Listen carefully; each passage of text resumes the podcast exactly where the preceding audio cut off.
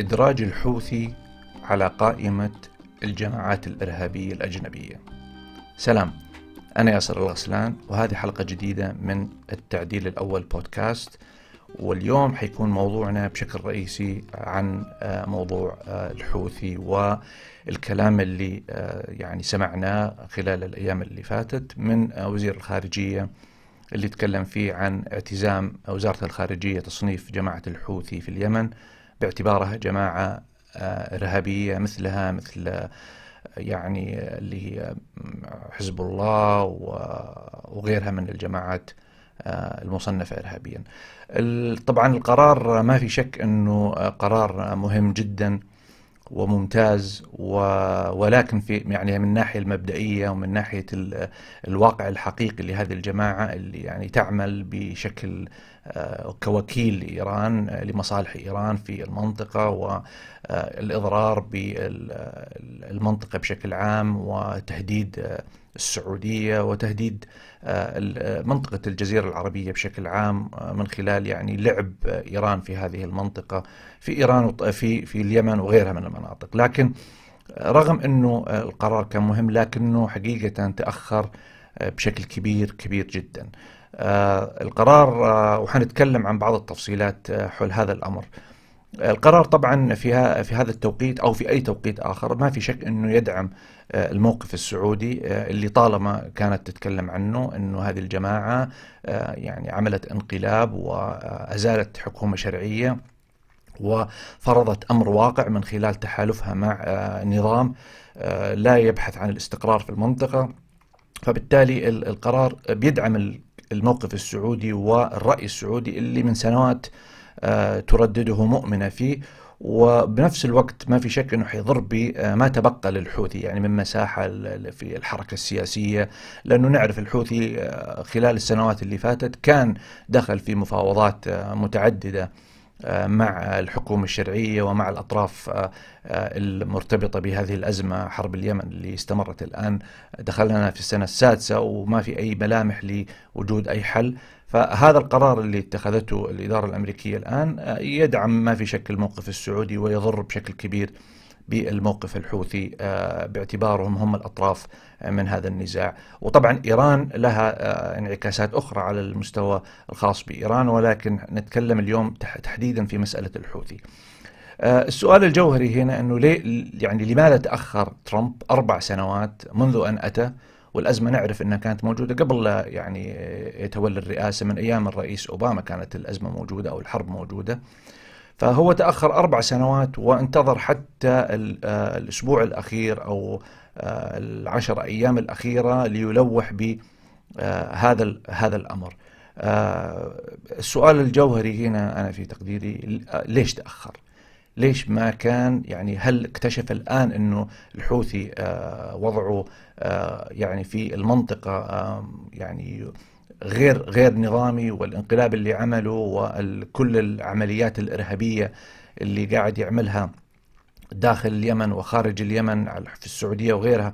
يعني هل اكتشف الآن هذا الأمر والآن تشجع لهذا الموضوع؟ طبعا آه، الجواب طبيعة الحال لا.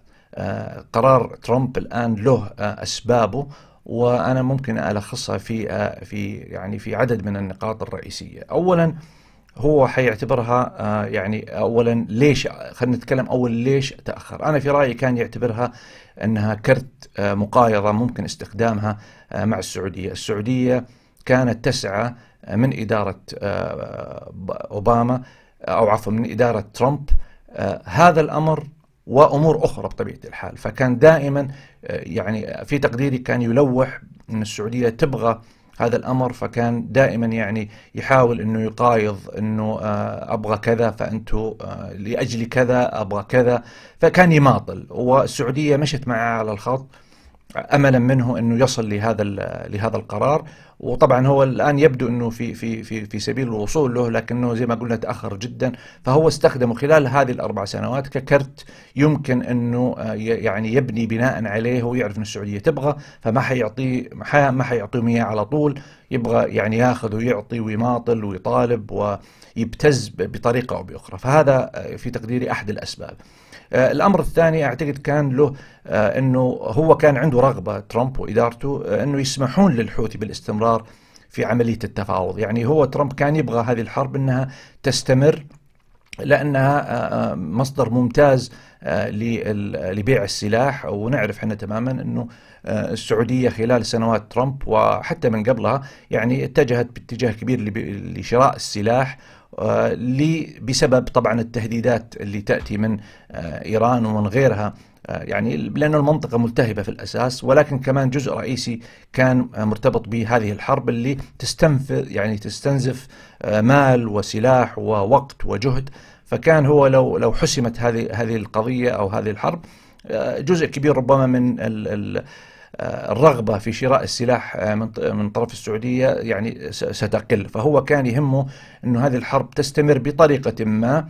وجزء من استمرار هذا الحرب هي السماح للحوثي بالتفاوض وبالذهاب والأخذ والعطاء واعتبارها يعني جماعة متمردة ربما ولكنها لا تصل للإرهاب لأنه نعرف أنه أمريكا متى ما صنفت جهة إرهابية ينتفي آه، آه، حقها من وجهة نظر الأمريكية في التفاوض والدخول معها في أخذ أخذ وعطاء. رغم أنه نرى أنه على سبيل المثال كيف أنه مثلا في طالبان والحكومة الأفغانية صار في يعني يعني اتصال وتفاوض وبرعاية أمريكية رغم إنه طالبان يعني تعتبر جماعة من وجهة النظر الأمريكية جماعة إرهابية، لكن ربما هذا كان استثناء لأنه له مصلحة أمريكية، أمريكا كانت مع ترامب تبغى تنسحب فتبغى تجد طريقة معينة لإنهاء هذا التواجد أو التكلفة البشرية والمالية اللي أمريكا تتحملها في حرب أفغانستان فكانت تبغى تحل، لكن بالنسبة لليمن أمريكا ليست موجودة على الأرض وليس هناك تكلفة آه، على ميزانيتها بل بالعكس هي تستفيد منها زي ما قلنا بيع السلاح وكذلك بالمد آه، آه، اللوجستي لقوات التحالف وربما يعني أمور أخرى لا نعلمها، فهذا كان أحد الأسباب اللي جعل ترامب يماطل في هذا التصنيف وإعلان هذه الجماعه جماعة إرهابية للسماح لها للتفاوض. ربما أمر آخر كذلك هو منح إيران مدخل على اليمن للاستمرار برضو في نفس السياق لحالة آه، خلينا نقول إنه تكون الأجواء مكهربة آه، لو آه، يعني صنفت بوقت يعني يعني في الأيام الأولى أو السنوات الأولى كان ربما إيران لم تجد طريق لأنها تستمر في هذه الحالة في التدخل مع إيران وبالتالي ربما في التدخل مع اليمن وربما وقتها كان الحوثي سيقل الدعم عليه ويعني آه، تتقلص فرصه وتنتهي الحرب لصالح السعودية. رغم أنه إيران لا تلتزم بأي تصنيف أمريكي أو ولكن نعرف أنه أمري إيران تتعامل ربما مع بعض الدول الأخرى ليهمها آه، آه، علاقتها مع أمريكا. فزياده الضغط على الحوثي كانت حتجعل من استمرار الدعم ربما يستمر ولكن لن يستمر بالأريحية اللي وصلت لها آه، أثناء آه، يعني في بوجود حالة يتم التعامل مع الحوثي على أنها يعني جماعة متمردة آه، لا أكثر ولا أقل. الان يعني الآن نعرف إنه الحالة هذه ستخلق حالة جديدة مع الإدارة الجديدة. أربع سنوات انتهت الآن بيصنف ترامب جماعة الحوثي يطلع من البيت الأبيض تأتي إدارة أوباما. طيب كيف ستتعامل إدارة أوباما؟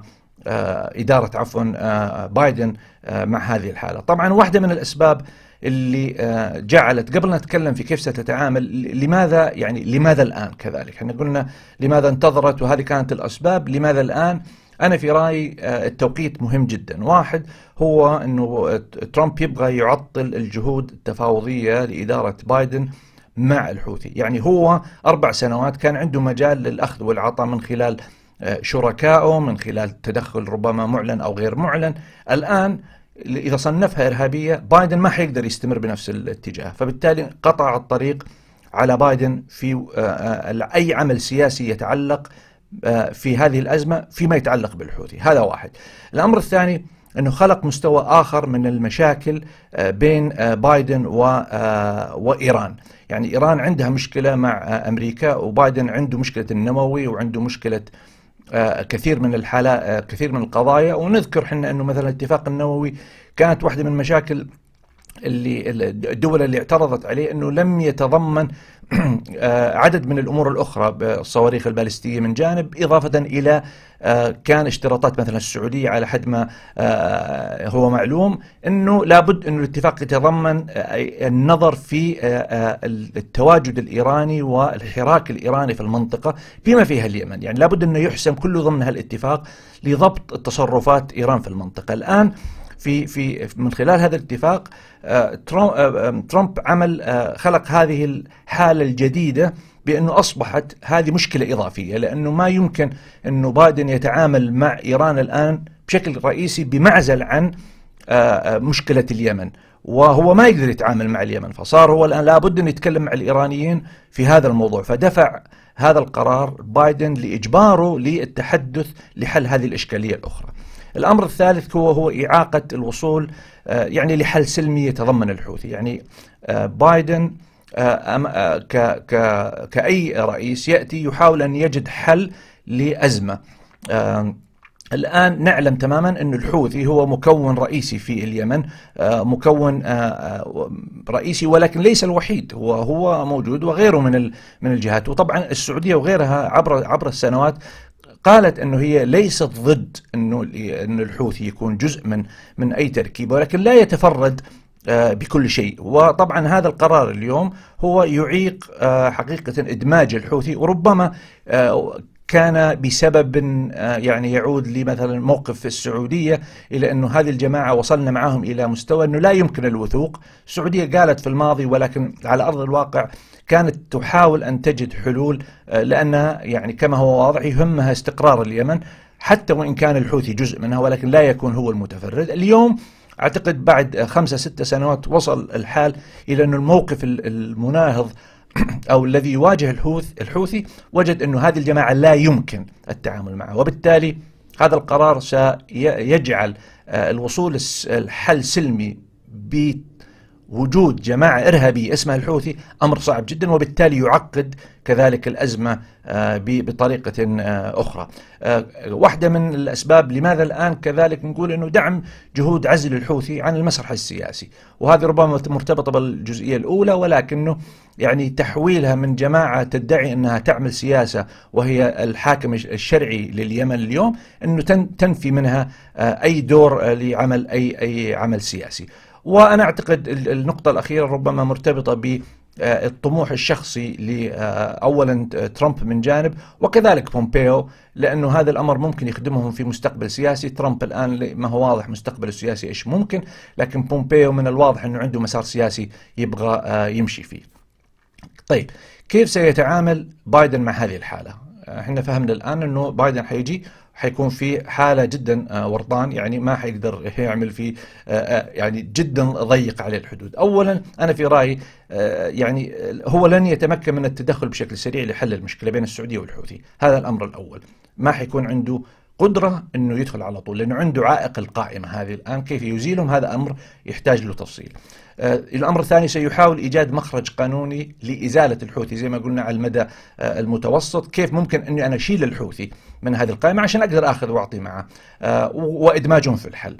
هذا الأمر بيخلق حالة توجس من السعودية بدون أدنى شك خصوصا بعد كل هذه السنوات كونك أنك ترجعهم هذه حتسبب لنا قلق وموقف نراه وحنا كالسعودية انه موقف يعني لا يعني لا يبدي المصلحة مصلحة أمريكا ومصلحتك أنت يا بايدن مع شريكك الرئيسي في في المنطقة. وأنا أعتقد النقطة الأخيرة هذا س يعني آه، يعطي نوع من الحركة لبايدن بالاعتماد على شركاء محليين وأنا أتصور إنه ربما قطر قائمة قادرة على أو أو هي ربما المستهدفه لأنها تقوم بدور أكبر في آه، في عمليه ربما الوساطة زي ما شفناهم مثلا مع آه، مع طالبان وفي أفغانستان.